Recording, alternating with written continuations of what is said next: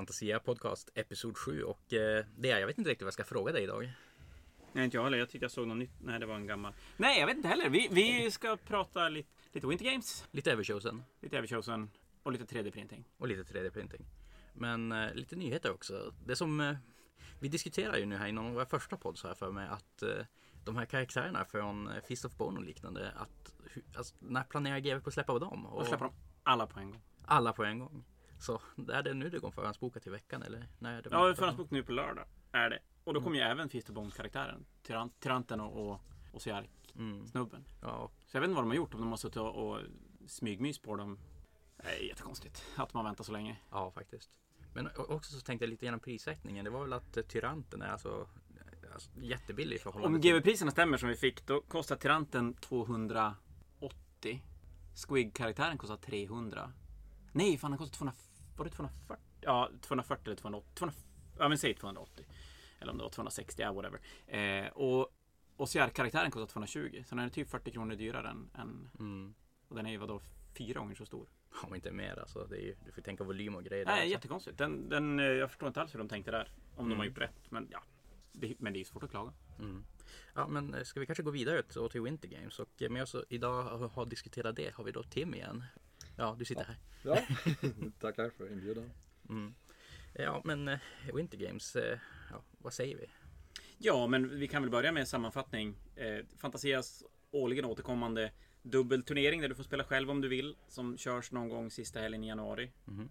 Vi spelar en endagars i gallerian där Fantasia ligger. Och vi brukar väl vara en... Nu var vi 40... Vad blev vi? 42 lag slash spela själv sådär. Så 70 spelare blev det totalt. Det är nog en ganska stor turnering. Ja, men det, jag räknade i... Var det fjol jag räknade eller var året före det? Nu har ju för sig turneringarna vuxit till sig lite grann efter att ha haft ett par ganska dåliga år i Sverige. Men var det i fjol eller för två år sedan? Då var vi Sveriges fjärde största turnering på Winter Games. Mm. Det, var, det var Fanatiken, Fanatiken och så sen var det Gates och Westrich. Var det? Westeros. Och sen var det Winter Games som var Mm. fjärde största. Jo, Det är lite kul för det är ganska casual. Ja, men det, det är ju det som det ska vara. Jag menar, det, vi vill ju att nya spelare ska vara med. Det är inte målarkrav. Det, mm. lägre poängnivå. Ja, 1200 poäng spela själv eller två gånger 600 om man spelar tillsammans med någon Mm. annan. Så att, Men eh, jag spelar ju inte så mycket för K. Alltså hur fungerar spelet på den poängnivån jämfört med alltså fullt ut 2000? Är det Alltså fungerar det bra eller blir det som lite som buggar i systemet eller man ska säga? jag, jag tycker det funkar bra.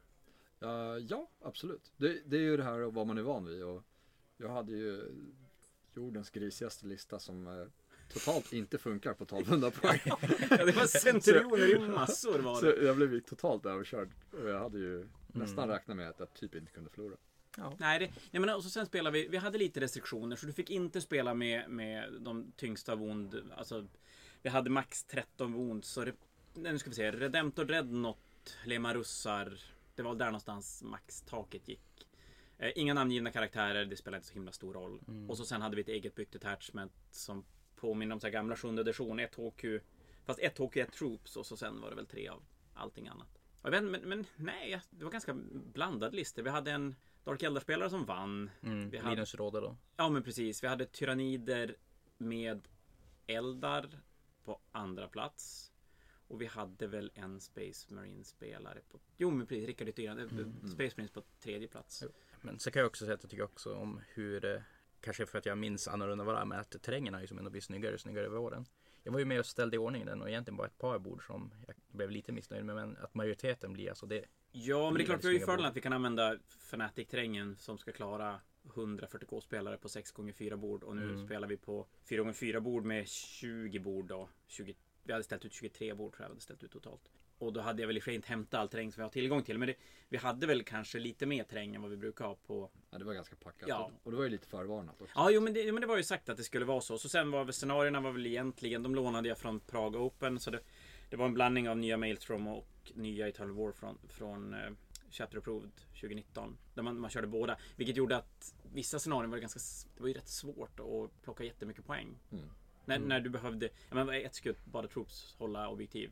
Mm. Och så har man 1200 poäng. Jag hade två troops. Och det är klart. men det, precis. svårt, Jag hade också svårt att hålla sex objektiv på, på två troops. Ja, nej. Och sen statyetten som man vann ju, den var ju helt okej. Och jag tänkte väl att det är väl nästa samtalsämne vi ska gå in på i det här med att 3D-printa grejer. Det var ju då Tim här som tog och Mm. fixade den. Och, ja, alltså Tim, du håller ju på med sånt här. Det, kan du Ja. berätta lite mer?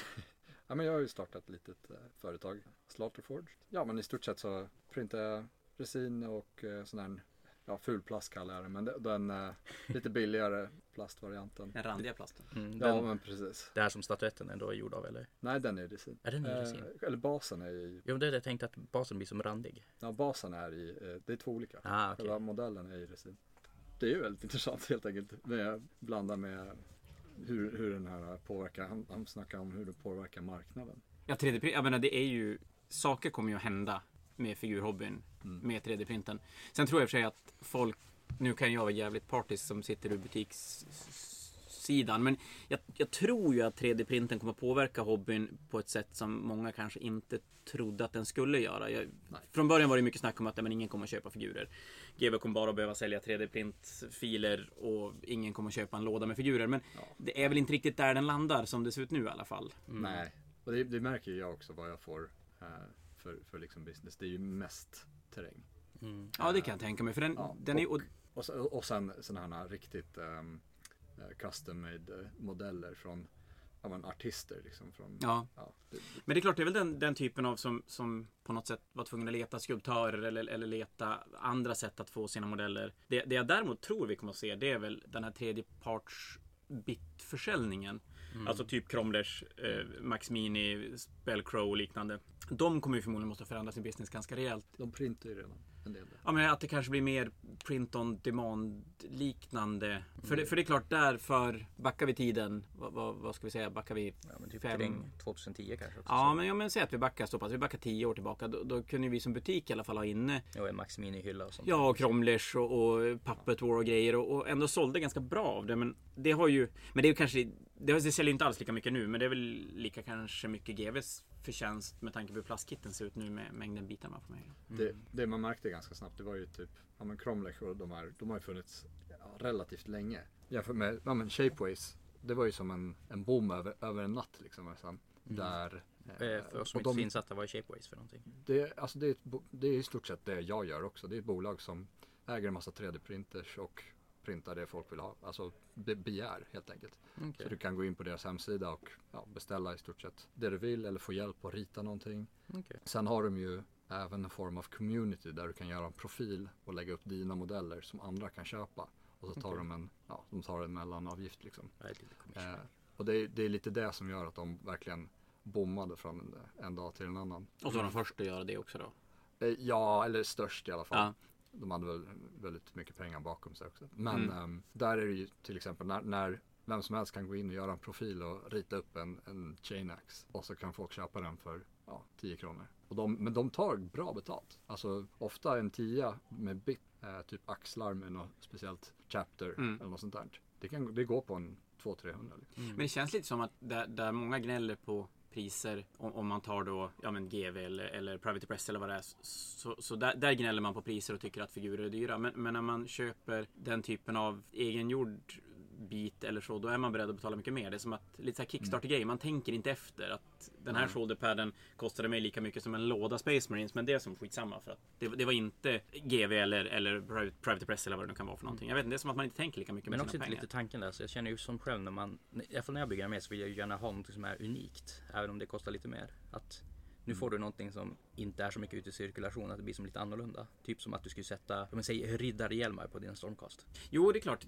Och, och kan man då göra sin egen grej, då, då är man väl beredd att betala lite extra för det. Men det, det är också där som kanske marknaden finns. För många trodde att det skulle liksom pressa priserna på modellerna. Och det är Ja, därför men det- GV inte riktigt är i fara på något sätt. Eller andra företag. För att det pressar inte priserna. Nej, men det tycker jag man ser lite grann att, att det är inte, om man ser terrängen till exempel som printas, den är ju inte superbillig. Utan däremot så blir den ju jävligt, alltså man kan göra mycket grejer och, och det, man kan ju som designa och få det man vill, och märker man ju. Men den blir ju inte jättebillig. Nej. Nej. Så. Och det är särskilt om du, ja men du måste fortfarande köpa själva ritningarna eller Ja. Nu har ju, jag har ju ett samarbete med ett gäng olika, men dels sådana här Kickstarters och folk på Patreon som ritar figurer och modeller och terräng. Men även eh, olika sidor som då säljer modeller och så printar jag efter att de har köpt där. Mm.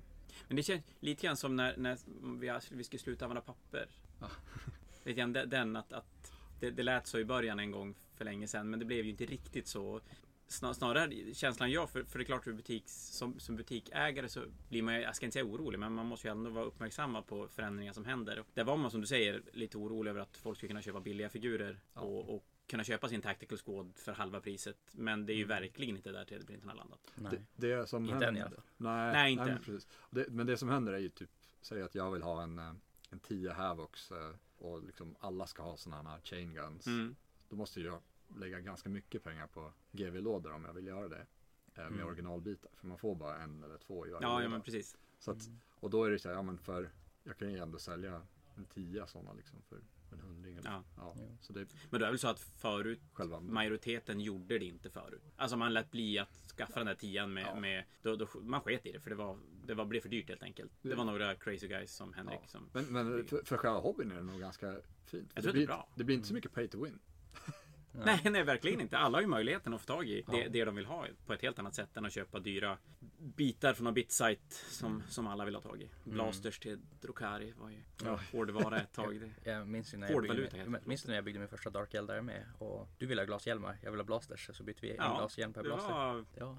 nej, jävla Blasters var ju hemskt att få tag i. Och backar man ännu mer så undrar om det var scatterlasers eller om det var Star Cannons. Jag tror att det var Star Cannons till eldar också som var så otroligt svår att få tag i som alla ville ha. Gud, när du nämner det, var det inte alltså Warwalker eller något sånt där när man beställde den så fick man random vilket vapen som var i Jo, den? från början. Jo, när den var metallgammal då, då var det ju slumpat på olika. Eller det var alltid en, men om det alltid var en Brightlance och så var den andra slumpad vilken, vilken det var den andra var. Det var en sån här rolig grej som de kom Lite på som under att köpa- kafferasten. ja, ja. Så här, lite som att köpa Kinderägg typ. Jajamän. Okej, man fick ju se på förpackningen. Men, men, nej, men det, så var det ju med ganska mycket grejer för länge, länge sedan. Det var det absolut inte snack om att det gick att bygga exakt det man ville ha. Utan då fick man köra med det man hade. Mm. Men jag tror ändå att det, kan vara en bra grej att eh, det kommer alltså lite som konkurrens till GW så att de verkligen måste som ligga on top of their games och säga att de Så- Ja, det tror jag definitivt. Ja. Men sen är det ju, det som verkligen kon- konkurrerar typ med stora bolag, det är ju typ sådana här Shapeways. De har ju inte de här privatprintersen. De har ju printers som kostar en halv miljon. mm, Ja. Alltså, och det är fortfarande samma teknik mer eller mindre, men, men det är ju inget som hindrar liksom GV att gå in mot det heller. nej. Nej, det, det, det handlar väl mer om att, att de, de nu etablerade för, figurföretagen måste ju kanske anamma nya tekniken och inte göra som GW gjorde med internet eh, under början på 2000-talet. Mm.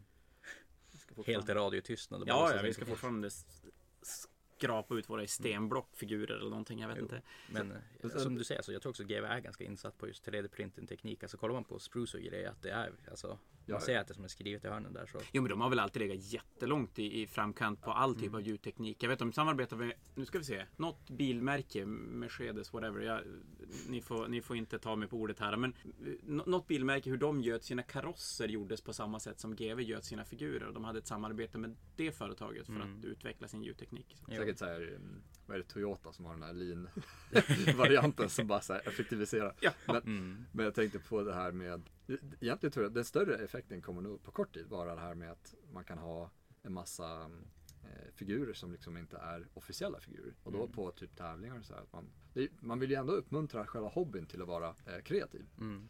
Eh, Jo, definitivt. Alltså, om det är något som jag kan ogilla då med just 3D-printat är ju att man har ju sett någon gång någon som spelar sin Custodes armé som var helt 3D-printad och liknande. Mm. eh, Alltså, nu kan vi dra parallellen som till eh, Night Models, deras DSU-spel, där de spelar med superhjältesaker. Och då var det ju många som kom och visade sig att Åh, kolla vad billigt HeroClix jag hittade, jag behöver inte betala någonting för att spela det här spelet. Att, man, Nej, det- Men så, sådana kommer ju alltid att finnas som vill Jo. ta en, en riktig så här, cheap genväg till sin hobby. Jo. Men min poäng där är att alltså, om, man, om det finns en hobby man gillar så för att den ska fortsätta existera så måste man ju finansiellt ta och stödja den så att säga. Att, Ja, och där, där, jag tror att där märker man väl att man kanske inte tänker sig att man stödjer GV i så fall, utan man stödjer det blir mycket snack om att stödja lokala butiker till exempel, ger det. Eh, eller att man ska, ja men om man, man känner någon som har sina 3D-printar, man ska stödja det. Men, men, det men så är det ju, man, man måste ju någonstans Ska det finnas kvar så, så måste ju pengarna rulla in, annars funkar det ju inte alls. Sen, sen har du ju ja, men till exempel några som några sådana här Patreon snubbar som jag samarbetar med. De har ju, men, säg en Keeper of Secrets. De har ju typ sex olika Keeper of Secrets som är i stort sett identiska fast helt andra poser. Mm. Lite, alltså typ så här huvudet ser lite annorlunda ut. Mm. Eh, Men det kommer ju liksom löst i modellen. Så, Ja. så du kan ju mer eller mindre bara ta bort den och sätta dit en vanlig. Då får du ju, sen är det ju inte billigare att göra en sån. Men du får ju en, en ganska unik modell. Och Då är det lite frågan, så, ja, men får man köra med en sån? Eller ska man? Eh, generellt brukar man ju säga så, ja, men så länge man ser vad det är. Ja, det blir ju Det blir känsligt. Sä- Säg att jag nu kör med fyra sådana. Bara. bara. Ja. Jo, alltså. Jag menar, jag, jag köper det definitivt att spela mot en sån här med. Och, men man märker ju också på så typ, framförallt i England där är det väl att de har lite grann att det ska vara officiellt. Alltså ska du typ på, ja men Warhammer World är väl. ja, då ska det är- väl vara officiella Jo. GV-modeller. eh, Anders Wikström här som ska, alltså, han ska ju Mm. åka nu på en stor GV-turnering. Alltså har du någon Ja, konvertering? Ja, jag, jag tror Är det. väl, va? Men har du någon alltså konvertering så måste du ta och mejla in och fråga om den är okej Ja. först. Private Press kör ju det på sina officiella turneringar. Att du måste mejla in eh, godkänna på konverteringar och de, jag tror att de bara godkänner originalmodeller och att de har något sånt. En viss procent av modellen ska vara originalmodell. Och ganska länge har jag tyckt att det är rätt dumt. Men å andra sidan så sitter jag i en sån, sån sits där man när man pratar Fnatic-turneringen och där, där man, man, man driver en lite business-synpunkt också och inte bara ideellt. Och det är klart, då blir det väldigt viktigt att den här peppen att bygga arméer före och, och efter och, och sådär. Och försvinner den genom att allting blir 3D-printat och folk kommer med legogubbar och grejer. Ja, nej, men jag tror inte att, för det är ändå sådana, eh, men säg, säg det här exemplet som jag drog. Där måste man ändå betala typ 300 kronor bara för att få själva, alltså den digitala modellen. Ja, och jag Och tror att sen, kostar alltså om jag printar en sån så kostar ju den, kostar i alla fall 300 kronor att printa. Ja. Så det, det är absolut inte billigare. Plus att det finns ingen liksom så här copyright-problem. Så en butik kan ju lika gärna, alltså man kan ju sälja sådana också. Ja, precis. Man har sålt Cromlers och allting annat. Det, det finns bara så mycket, mycket mer. Nej, jag tror att i slutändan, från att ha varit lite skeptisk så, så tror jag ju i slutändan att det bara är egentligen positivt. För att de som vill bygga sina unika arméer och 3D, köpa 3D-printade grejer är ju sådana som skulle ha löst det på något annat sätt innan. Mm. Det hade konverterats, byggt, eh, commission bort. Jag, jag tror att det är någonting man, man går igång på som hobbyist. Mm. Medan det finns alltid de som bara vill ha out of the box. Mm. Tycker det är enkelt eller Stackars dem. Men det, det, bits kommer nog definitivt ändå vara det som är Ja, mest eh, definitivt. populärt. Ja, jo, men, men, men för den som tycker om så här green stuff bygga, de, de måste ju bli mest, mest, mest straffade av det. Helt plötsligt så allt deras så här unika grejer de kan göra kan vem som helst bara fixa fram. Ja. Men dock också det här med att vara duktig på green stuff. Alltså det finns ju mer saker än bara att alltså, skulptera bits. Alltså få saker som att passa ihop och liknande. Och, Ja, så, Alltså det som, det, de kommer ju alltid ha nytta av de där teknikerna. Samt, säg att du har en modell. Så tror jag att det är mycket lättare att, säg att, han, att du ska ha en mantel på honom.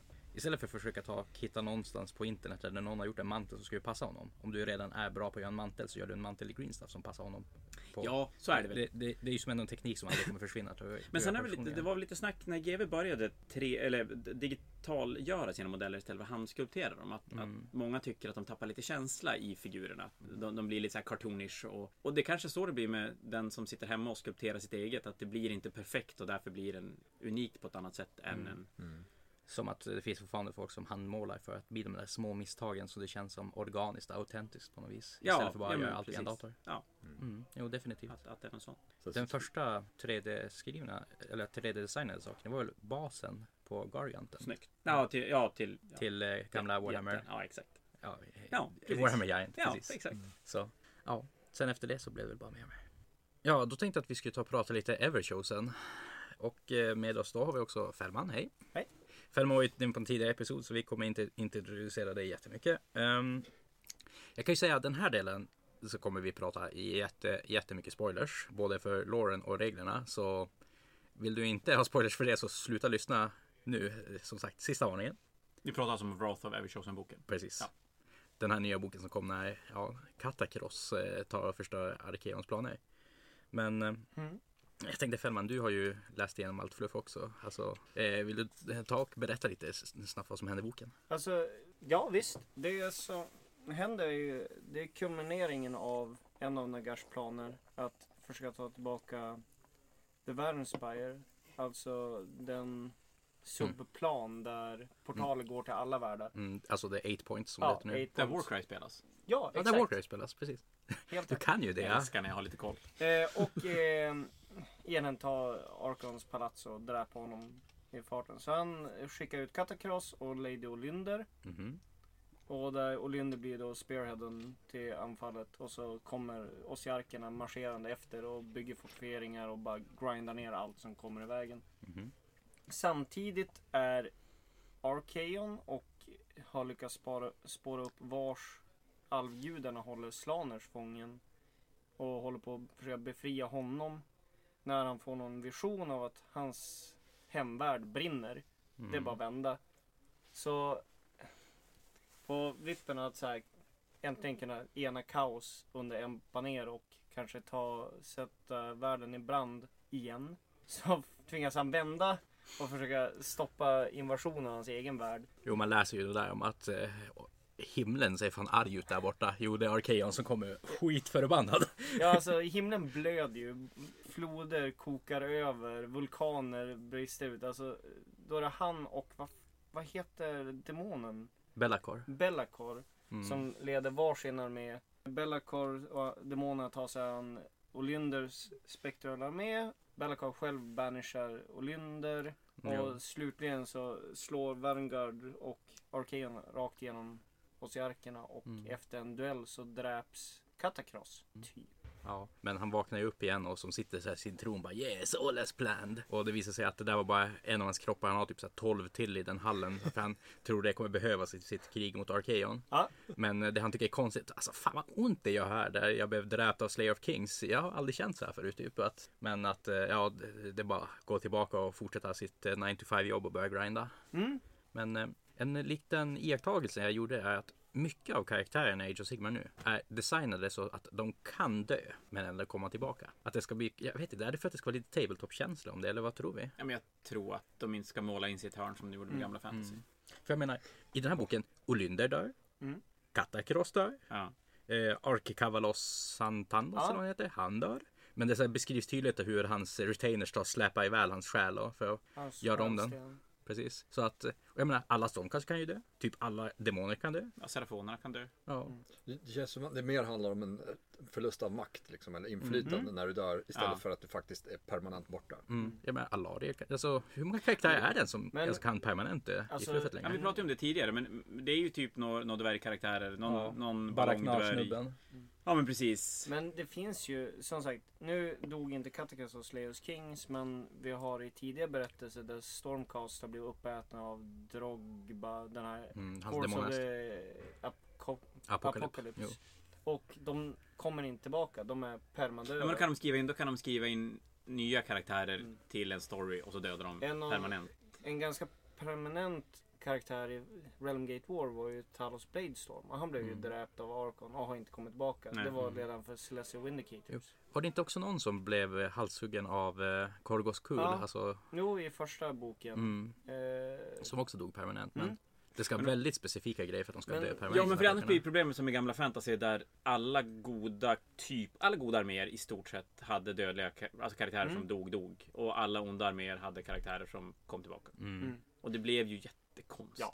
Men det är Ja, för att de goda måste vinna hela Ja, hord- de var ju tvungna. du har horder av Det är demoner jättekonstigt. som inte kan dö, som bara kan komma tillbaka och komma tillbaka. Och står det där du- 16-åriga Men at Arms och dödar dem. Och så tar det 16 år innan de kommer tillbaka och kan fightas igen. De har ju gått ifrån det här med liksom vad som är gott och vad som är ont. Det också. Det är ju det som är så coolt med den här boken. Det finns ju inga hjältar i den.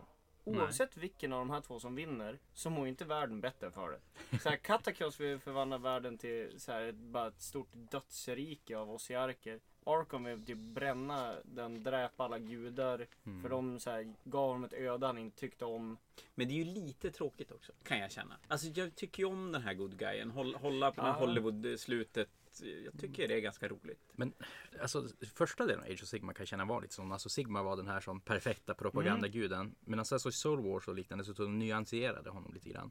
Jo. Jag menar, en av Slanes kedjor tog ju och bröt samman för att eh, Sigmar tog och... Eh, Dräpte han, han har svur och skydda. ja, precis. Och- Det har, ju, ja, men det har ju blivit klart mycket mer intressant än vad det var från början. Jo. Så är det ju definitivt. Från början var det bara en hjältesaga. Jo. Men Ja. som sagt, de här två skurkar som slåss mot varandra, det är inte jättevanligt. Det måste ju, jag tror det är första, alltså sån här boken som, där det inte finns en god person att följa. Men eh, om jag skulle dra en parallell alltså till Old World, är det inte lite grann som när Grimgor tar ge sig på Arkeon och Ja, går jo. och skallar honom? Att det är som lite samma grej. Att det är två stycken, ja en eh, kanske lesser evil och en greater evil som går och skallar varandra helt Lite enkelt. grann som det är i 40K hela tiden. Ja. Ja, Att det är som inga good guys som...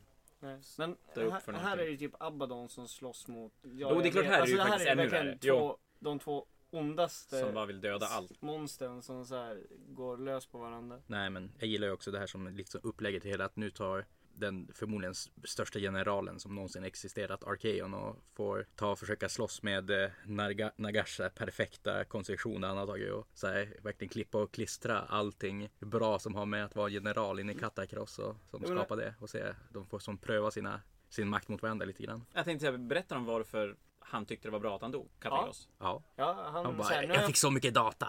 jag har Alltså, fått det- studera, han har fått studera Arkeon som leder sin armé. Han har fått studera Arkeon som slåss personligen. Och det han gör, det han beskrivs som, det är ju typ en dator som så här. Nu ser jag det här, nu analyserar jag det och sen science the shit out of it. Vet du vad Ossiarkerna är för någonting? Fantasy-tyrannider. Lite grann. Fast, Sam, samla fakta och Ja, fast- förändra sig efter. Men- ja, det men- finns ju en scen i boken där som Arkeon håller på att bara hacka sig igenom sista av Katakross livvakter. Katakross tar så lugnt och bara kliar sig på hakan och bara eh, Tar du de här notesen att det var förmodligen en dålig idé det av Mortekar där. Jag behöver mer katapulter. Och så tar snubben och skriver ner det och så tar han sitt vapen och sin eh, sköld och bara går och ska börja bråka med Arkeon. Så här, antagligen sitter en spymaster någonstans och bara skriv ner allt du ser i den här duellen. Så, och som sagt, han, han förväntar sig att bli dräpt men han ska ju bara samla data. Men Döden han- har ju all tid i världen. Han är så här bara ett dussin kroppar till eller vad det står som fans förväntar sig använda sig innan det här är slut. Så Men det, 11 sådana här böcker till då. men När det, det är intressant. Kulmen kommer. Men det intressanta däremot blir ju,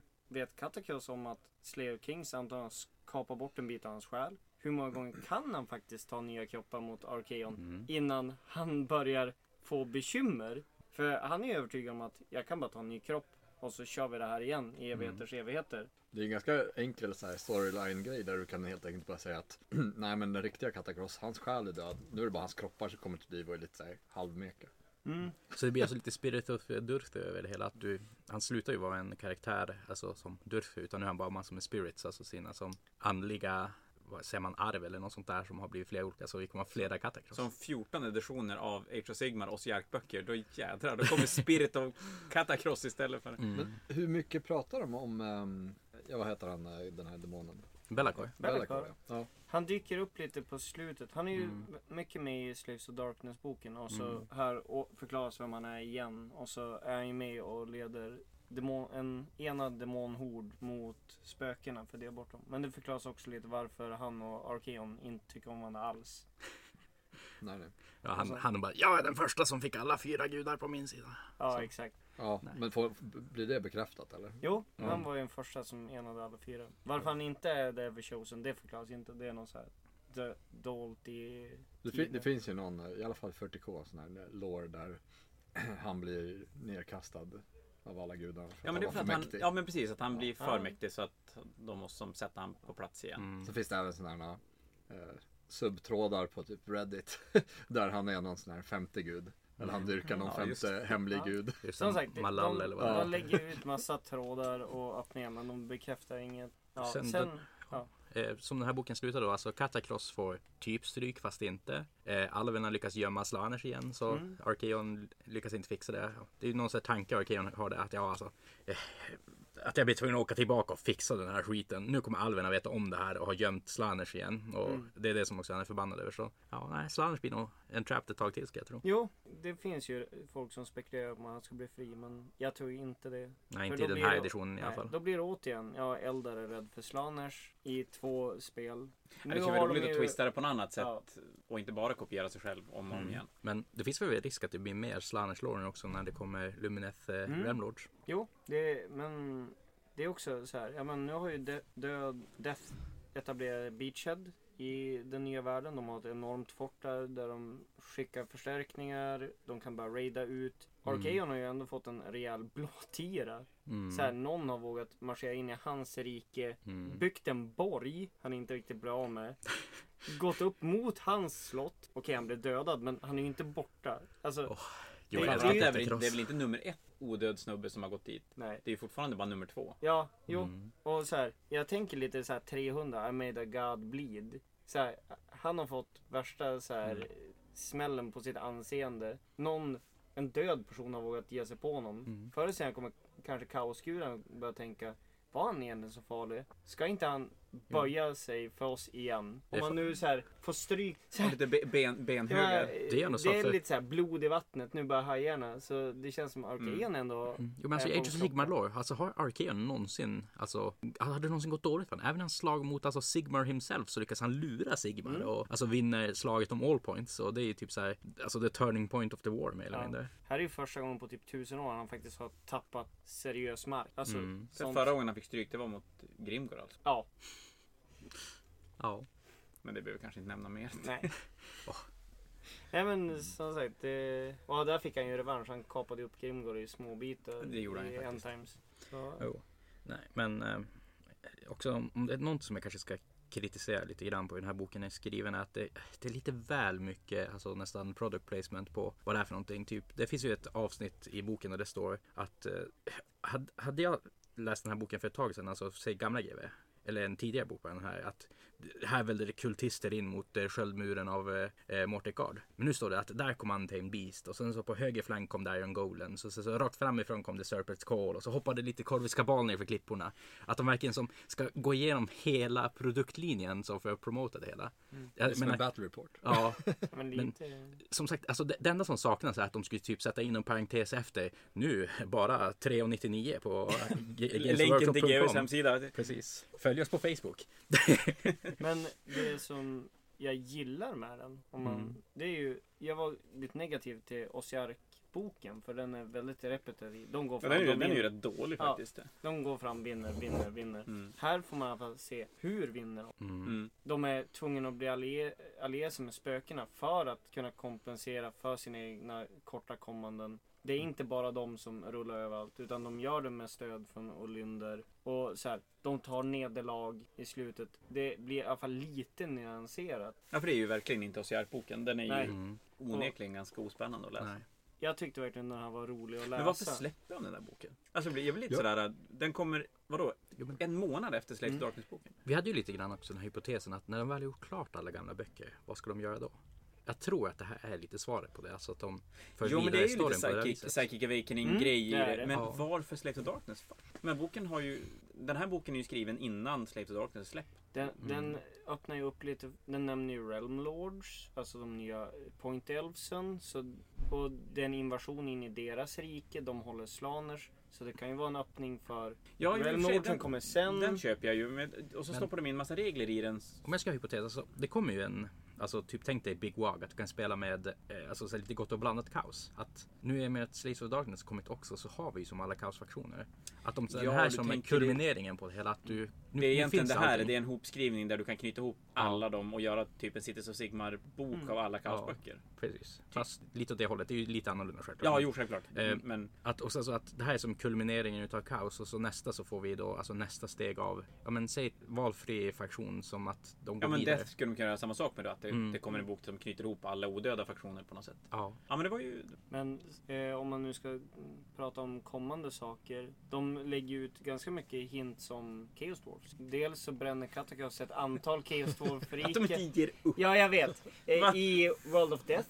Korrupta dvärgfästen beskrivs det som. Mm. Och sen i, när Katakos sen går in i Värmspire och brakar runt så är det ett enormt industriområde där det är korrupta dvärgar som har enorma slavläger. Som då bränns. Så de Så har nästa- inte nästa armé. dem. Men, Nästa med är kaosdvärgar. Karlsberg. Ja, brinna. Men det är också, vad, vad har de mer att släppa till kaos? Nej, det är väl... Alltså, ja, Nej, nå- ja. Någon gång, Nya Måste- Eshin-modeller. Någon, någon gång måste de ju släppa en ny armé igen till kaos. Och nu är de ju ändå dag. efter i modeller jämfört med alltså, regler och lore. De, för Mm. till exempel, varför ger de inte ut en, en uh, Bellacore-modell med den här boken? Ja, det, ja faktiskt. Nu Och är det ju lite modeller som inte saknas. Marauders? Nya Marauders, Mm. nya spawns. Men det är också, jag, jag blir så irriterad varje gång jag ens tänker på Marauders. Alltså, varför inte bara plocka bort Marauders och säga att kultisterna som kom i Warcry är de nya Marauders? Ja men har du gamla Marauders, spela dem som Mm. de här nyaste Warcry-gänget. Jag Ja. kommer inte ihåg vad de heter. Spire Tyrants. Ja, precis. Ja, men, Ja, du de kan ju är- inte ens ta byta ut dem bara rakt av för alltså, kultisterna är ju inte ens battleline. Är de inte? Nej, det är de inte. Det är Marauders och Warriors som är bättre. Alltså, det jag förstår De är varför jag blir så arg för. Och då kan man ju inte ens använda Warcry-modellerna på ett bra sätt eftersom de är ju någonting annat. Mm. Men har ni hållit i en Bellacore-modell på senaste? Ja.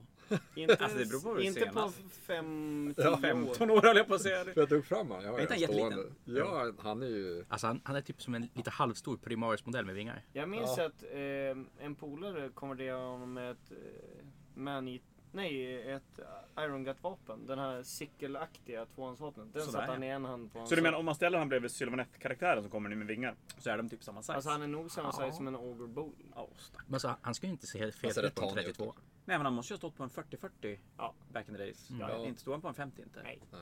Han var i samma skala som du minns en demonprinsen som hade Ja. så här ett trekantigt svärd som han försökte slicka. Ja. Med en krabbklo. Ja. Ja just det. Den, Mm. Oh, den var ful. Den var ful. Och konstig. Fy. Nu, alltså, och sen är den ju i finecast också. Mm. Ja det gör det ju inte Mm. bättre kanske. Nej. Ja, den hade ju behövt en... Det hade varit så enkelt. Du, du hade i princip kunnat ta den modellen och bara blåsa upp den. Ja för i grunden är ju jävligt, alltså det är ju en Ja, ja. cool modell är det ju. Ja. Men Ja. den, den är ju sizad 99. jag var ju helt säker på att det skulle komma de här Chaos Warriorsen och Knightsen som fanns i startpacket. Att det skulle komma som egna pack. Mm. Plus Marauders i och med att den här boken släpptes. Det var ju vad jag gissade. Men, Men det är ju faktiskt. GV, GV nyheter nu på sista tiden har ju varit och flyger lite överallt. Mm. Det har kommit så sjukt mycket, får jag säga, konstiga saker. När de inte har släppt, ja som sagt, de har inte släppt Chaos Warriorserna lös, inte Knightsen lös. De har inte släppt färdigt Sister Battle Rangen. Mm. Utan istället har de släppt Alltså jag menar, då- var kan de näsa någonstans? Jag kan Har de nästan, släppt- Serafimen har de inte som ett start bra i har de Sister Battle. släppt klart eh, Space Marines om man vågar säga det? Demaris? Ja, fast de har fått alla grejer de har i boken i alla fall. Okej, Är det så? Jo, jag tror det. Jo, det har de. Med Okej. Phobos-grejerna. Så- Men, men, ja. okej. ja. nej, men så har det kommit då ja, men ganska mycket Warcry-grejer och det har Mm. kommit Underworld sådär. Så Vars är, de här eldsnubbarna till Warcry?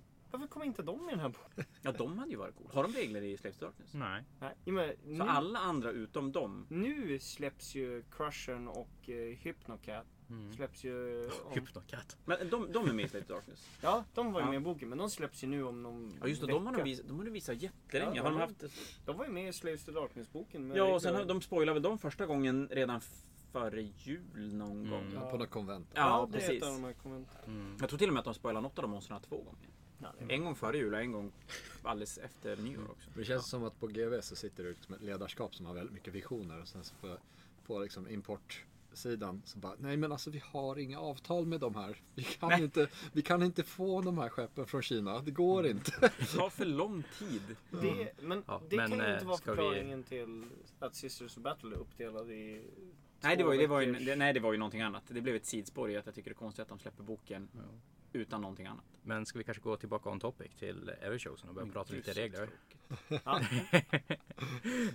Ja, nej men eh, ja, vi kan ju ta och prata lite grann om den här stora kaosfaktionen som kommer. Ja precis, du, du tänker på Legion of the Chaos Ascendant. mm. Precis. Alltså den äh, tanken var rätt cool och rolig. Mm. Vad är Men- tanken kring det? Så kan vi Alltså de det är som... en egen, eh, det blir som en, eh, en egen allians liksom. Där du kan ha alla fyra i, under men- samma segel va? Ja, men det blir som inte, det är som inte en host eh, av Chaos. Vilket är ett problem för det är en, en egen allians som inte har hosts. Mm. Mm. Och de har ändå infört det här temat nu att alla kaos eh, eller alla kaos eh, har olika hosts.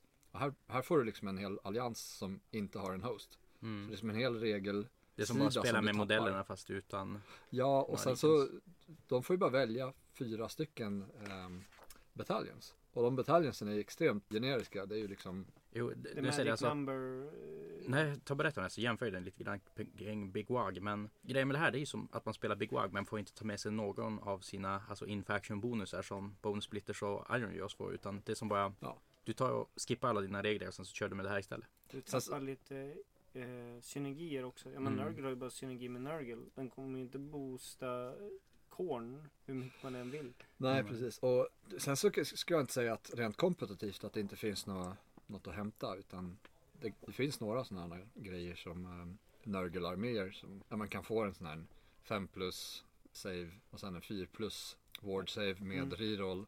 Och sen därpå en 5 plus till.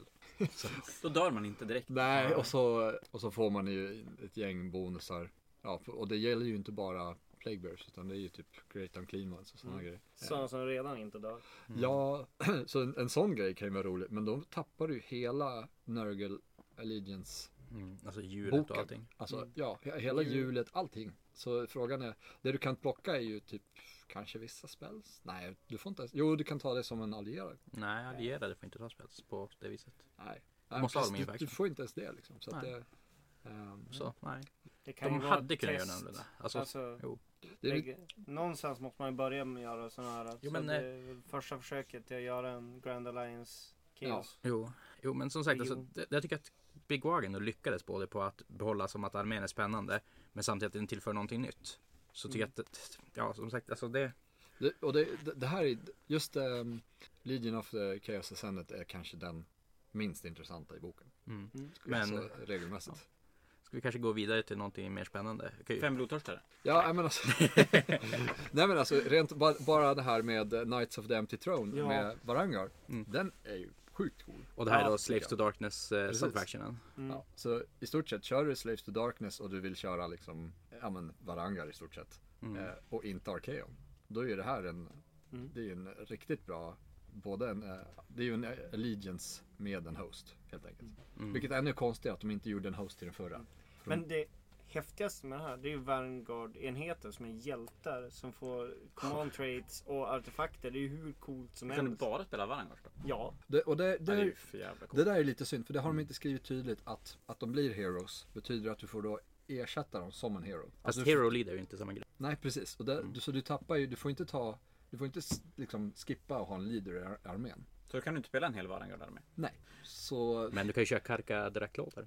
På Karka ödlan. Draklådor. Den Lådan jätte- alltså.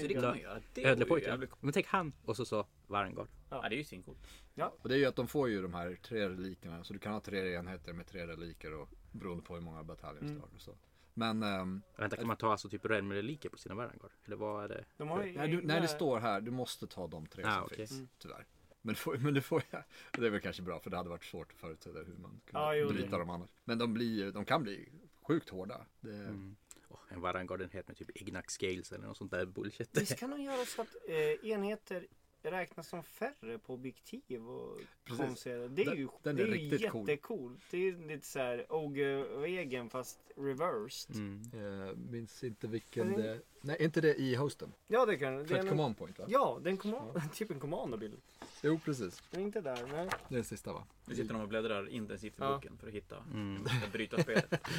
Nej men det här är ändå en, en eh, nej, Ja, reduce by one. ja just det, det, är det, command, det var ju där Mm. ja. Du rullar en tärning för alla modeller innanför 12 från en hjälte med ja, I- knight. För, innanför en Varangor-enhet helt Ja. enkelt. Men Och på det, 3 plus räknas som en färre. alltså, så, finns det alltså också ord alltså för den uppdelningen? För det här, är- alltså, till exempel här där man kollar på de här, att det finns två olika format av subfactions. Att, är det här då en subfaction och vad kallas det när det är som är en allegiance abilities på det där viset? Så här har de delat upp det.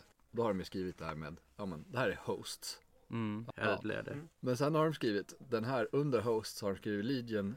Och det är ju, ja det ska ju egentligen vara en, ja, Så- och det, det där är lite förvirrande tycker Men jag. typ till exempel Invaders, Godseekers och eh, Pretenders är Slanners hosts. Och sen så Ja. det som kommer under det är då subfactions. Eh, De här Slaners eh, grejerna som är här, de räknas ju som de är ju en invader, alltså de har, de är invaders, Mm. seekers Så säg till exempel om jag skulle väl- välja Pretender den där. Då spelar jag ändå hosten, Pretenders och sen subfaction. Det, vad nu de heter. Alltså du kör ju en av de här och då är de, eh, det här är Scarlet Cavalcade och då är Mm. det Scarlet Cavalcade Godseeker Host. Så då blir, de är en host. mm. Och det är Men en du får ju bara varje. välja den, Mm. alltså du får bara välja den eh, traitet och den eh, reliken. Ja, okej. Så du, du kommer inte kunna ha någon av de andra från böckerna. Så det är en variant på Godseekers typ. Så Ish. Ja men eh, som sagt då tänker jag då är ju Alltså till exempel Cities i Cities och Sigmar. De är ju på samma som alltså, nivå då som Mm. host. Så kan det komma subfactions till typ Hammerhall och liknande. Eh, om vi ska diskutera de här underfaktionerna. Häftigaste tycker jag, det är ju vad Nurgle har fått. Mm, som vad har har fått fått? en Lu- Lucas för sina demoner. Som är att inom tre tum från dem så sänker du Rend med ett. så det gäller Guckos, det gäller Plague Bears Mm. och det är på båda demon subfract... Ja. Ja, Sub- subfaction grejerna. ja. Så där kan man ju spekulera, är det vad de kommer få i en ny Nurgle-bok den dagen den trillar ner? Mm. Mm. För det är ju, sänka Ren med är ju jättebra regel. Sen Ja. om kanske Nurgle-boken inte kan backa upp det men Nej, alltså, det är ju det- början på något. Mm. Men ehm, Flugor, eh, Plague Bears, Gucko. Mm. Ja men det, det är nästan så att Nörgel inte behöver en ny bok med de här grejerna. ja. Alltså, Så kanske det är. eh, Så långt hade inte jag Mm. tänkt men ja. det, ja, alltså tillsammans med hjulet så uppdaterar du ju ganska mycket bara genom att ta en av de här. Men jag tycker också en av de nya subfactions som kommer är ju alltså Gutrock Spunes Ja, subfaction.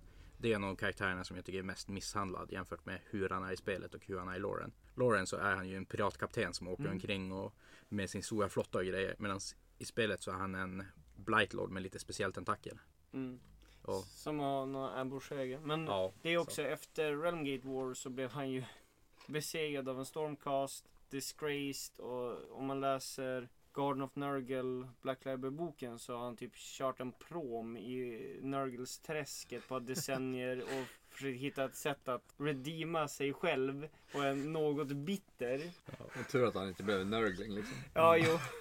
Det skulle vara en befrielse i och för sig. Så Nurgle har fått bra subfactions. Slanners har fått eh, som sido-upgrades i sina subfactions. Det vill man ta inte. Men Tim, du nämnde ju att eh, en Korn subfaction som du kanske var taggad på också. Som kan prata Ja, lite nej, om. men alltså de är, alla har fått ganska roliga och helt okej i liksom rent eh, kompetitivt. Nej, men jag, jag har bara provat på demon-varianten.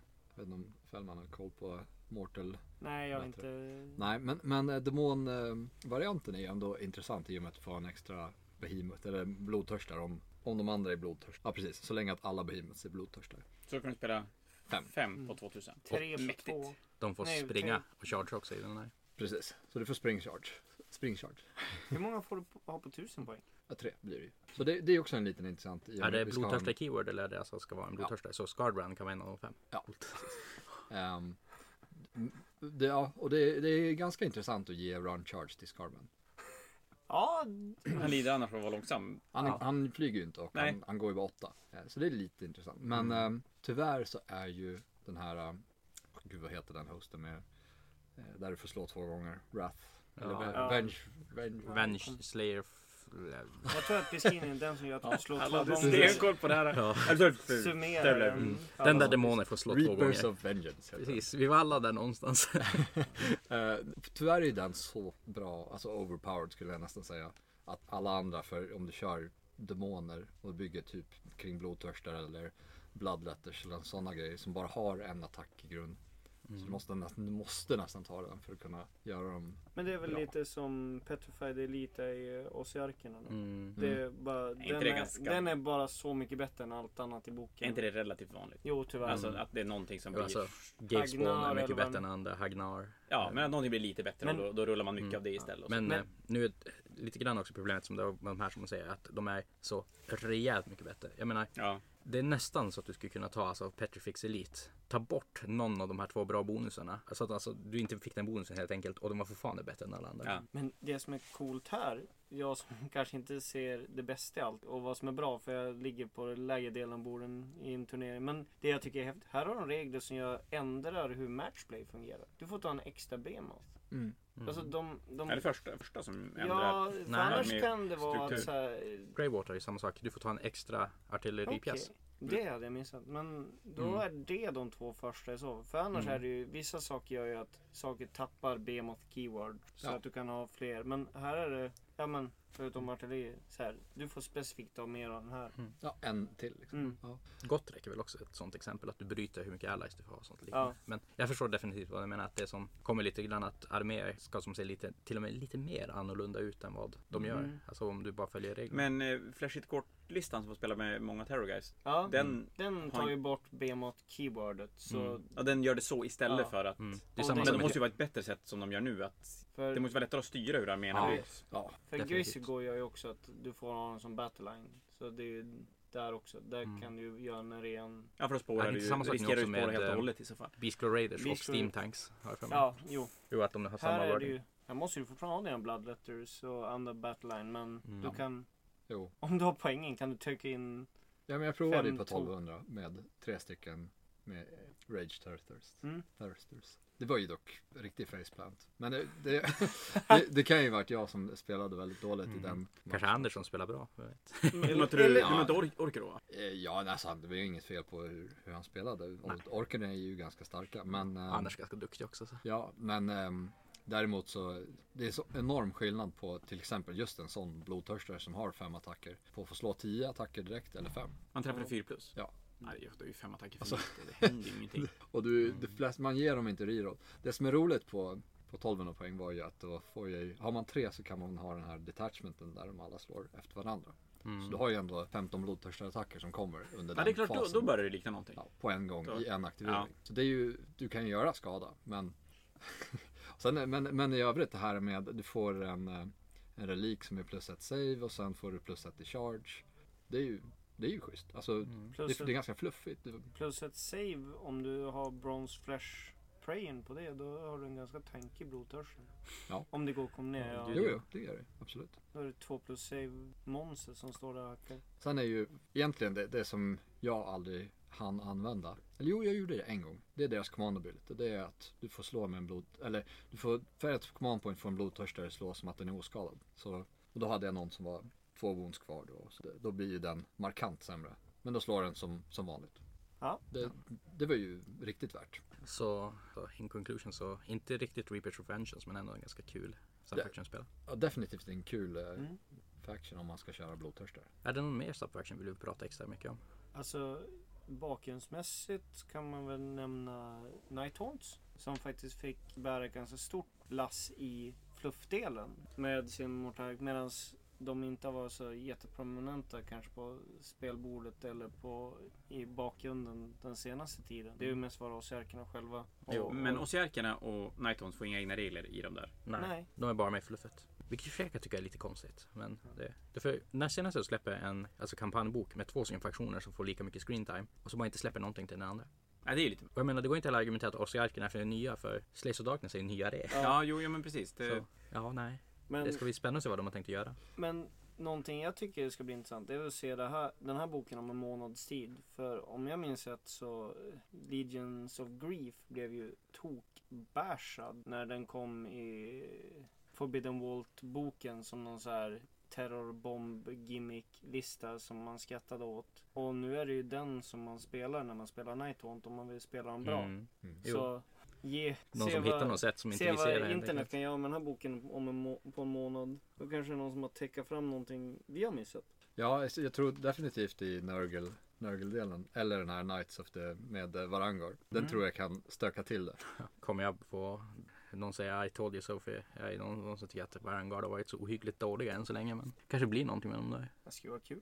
Det skulle Det vara är ju jättekul. sjukt snygga modeller. Ja, De gud. förtjänar att vara på bordet. Ja. Sen så är de ju tyvärr, eller tyvärr, redan i Slaves to Darkness-boken så kan du ju göra en väldigt cool Jo. Arkeon Varang- Varangard-lista. Mm. Jo, Som liksom kommer Varangard som både flyger och har extra damage och ja, Mm. alltså alla möjliga grejer. Bestämma över initiativet. tycker jag. Ja, men Mm. precis. Men ganska skönt att slippa måsta med Arkeon. Ja. Att kunna ha något Ja, alternativ till. Du kan få in lite mer i armén. För alltså, jag, Ja, jo. jag, jag är ju någon av de som ogillar de här stora gudmodellerna. För det känns ju som att du spelar då Arkeon med sina fyra bästa kompisar och inte att du spelar närmare. Ja. Att du får så lite om du tar någon av typ Nagash, Alari eller Arkeon. Ja, de ska ju, ja, ska ju typ inte vara med i spelen egentligen. Det är typ lite som att som, Sigma är ju inte med. Det tycker jag är jättebra. Nej, det borde ju vara lite likadant med de andra. Mm, att uh, Arkeon har lånat ut sin Slay of Kings till sin favorit Varangard och han kommer där på en 60 mm bas med en häftig häst och kan rida omkring. Och, Ja, eller att han kommer på ett jättestort flygande monster. Ja. Men det är inte Arkeon själv som... det finns ju det här gamla, jag tror det är DND citatet. If it has stats we can kill it. Det, det tar ju bort lite av det här mystiken runt en gud när man säger, ja men den har 18 wounds. Ja, men det, jo, men det blir ju, det blir ju lite konstigt. För han blir ju inte så här supercool när man tittar på statsen och bara okej, du är Mm. inte så jävla cool. Nej men också Arkeon har väl haft lite grann problemet att han har varit den kanske löjligaste av de här supermodellerna. Det, han, Ja, han har ja. haft svårt att spela. Ja, men han har ju haft den äldsta boken och han har suttit där utan Rend på sitt Slayer of Kings och halvkackiga regler ganska länge. Mm. Han blir ju av- så fruktansvärt mycket bättre i Slays of Mm. Darkness-boken men han, han, han är fortfarande inte så häftig som För, han. för Nagash Alariel är väl bra? Speciellt Nagash. Ja, Nagash är Mm. väl... Jag skulle köra, jag tänkte köra Arkean på lilla turneringen. Okej. Och ingen en, blod, korndrake. och en blodtörst. Nej, Jag får inte plats. Ja. Den kostar ju 1200 poäng. Det är 1250. Men en annan sak som den här boken gör bra, det är ju faktiskt berätta vad Arkeon har gjort de senaste decennierna. Alltså, han har ju inte varit jätteaktiv i Realmgate Wars. Mm. Och in, sen dess har ju, man knappt sett röken av honom. Och här förklaras ju varför han inte har varit, varit här. Han har varit och sökt efter Slaners. För som sagt, under Remgate Wars, eh, Kaos tappar jättemycket. Han är med en gång, dräper eh, Celestial Vindicator som invaderat Sench fort. Är det Thothos Bladestorm? Ja, det är han som blir dräpt där. Eh, men i övrigt är han ju väldigt frånvarande i Mm. allt fluff. Mm. Han bara kallar hjältar till sig och bygger sin armé. Nej, i, förlåt. Han är ju faktiskt så försöker ta titanerna Mm. under andra Remgate War. Jo, eh. God Beasts. Men efter det så har fall varit tyst. Men- Ni får nog rätta mig om jag har fel. Men... Stämmer väl ganska bra. Men som sagt, boken säger också, kan vi ta avsluta lite grann, att kan det vara bland de snyggare framsidorna på en GW Age of Sigma bok på länge. Mm. Ja, Därför den där modellen skulle jag vilja ha. Alltså Arkeon som bara står där och vevar bland oss i arker. alltså Så. den, den bygger ju verkligen upp honom som... Mm. Ja, det har ju funnits en Arkeon till fots förut så det kanske är dags igen. Mm. Att det kommer typ en Games Day, alltså Arkeon. Ja som sitter precis. där. Men du Det får väl sätta honom på. Katakos bas istället. Alltså så här, han står på en klippa och så här, Han, han är faktiskt inte så eh, odynamisk att man bara kan, man kan ju bara plocka av honom från, Mm. från den här draken. Och, Jag har sett folk som har gjort det och gjort så här duell, duell eh, Ja. grejer med honom. Mm. alltså, den här, han har ju fortfarande den här klassiska posen liksom, där han har en, en fot på en sten i stort sett. Där man tar av honom. Nu måste jag ju nörda in. Har loggan varit så här blå med lite vit? Men har den inte varit på. sådär sen andra editionen? Mm. Okej, ja nu sitter vi och pratar om bilder på en, en podcast. Så det Ja. ju givande. Ja, jag kan ta och posta den bilden om du vill det. Ja men det kan du göra, det är jättebra. Mm. Nej men det är en fruktansvärt snygg framsida som... Ja, alltså man blir ju sugen på att läsa boken bara av att titta på framsidan. I Mm. alla fall jag. Men jag vill ändå vika in att det är en liten konstig release. Ja, det kan jag hålla med om. Ja. ja, men då ska vi tacka Tim och Niklas för att ni ville vara med på podcast ikväll. Ehm, Tim, du kommer ju vara med nästa vecka på en episod där vi tar och djupdyker i Blades of Corn-boken med eh, en till gäst som ni får veta då. Men det blir Och en kul. hemlig gäst, gud så jävla spännande. Ja, eh, eh, ja jag vet Okej. inte. Då ska inte jag vara med, då ska, då ska jag måla mina sista tyrannider till Mm. Prag. Det Ja. kommer inte vara jag, för jag är bara dålig på att spela. Men jag spelar Blades of Corn. Har gjort det på men det har inte hjälpt. Vänta, måste man vara bra på att spela för att vara med på episod? Jag tror Nej, ni vi bara skiter det. Vi går- vi går ifrån helt Jag tror ni ska prata om bra saker i böckerna. De Nej, har men jag vi inte ska väl- hittat på två års tid. Så. Vi ska väl kanske ta en liten, liten djupdykning på vad Allegiance abilities är och sånt där. Men, ja. men som sagt, tack så mycket att du ville vara med på det här. Och sen så tänkte jag det att ta och avsluta lite grann. Tack, tack. Tack så mycket.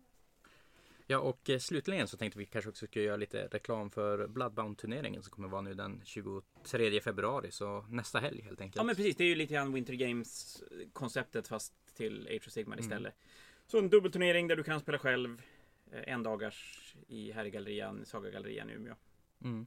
kommer vara en sån här fin statyett där som Tim har 3D-printat till den också. Så vill ni ha ert namn förevigat på Winter Games-statyn så kom hit med en hårdaste lista och försök vinna. Japp, det blir vandringspris då med, med, som kommer att stå i butiken. Mm. Men det, du ska inte vara med på nästa episod. Vad ska du göra då tänkte du? Jag ska spela 40K. Ska du spela 40K? Jag ska, vi ska- ska åka till Prag och spela, spela Prag Open lagturnering, fem, femmanna lagturnering i ETC-style. Mm. Och förmodligen få så jävla mycket stryk. Mm. Så eh, ska vi väl kanske säga om typ 3-4 veckor då en episod där jag får prata om hur mycket stryk han fick. Ja men det absolut. Vi kommer ju möta bland annat tre ETC, fy, ja det är väl fyra eller fem ETC-lag med på plats i alla fall. Så Mm. att, eh, ja det blir hårt. Nej men det var allt från oss då från Henrik och Det, tack för idag. tack för idag.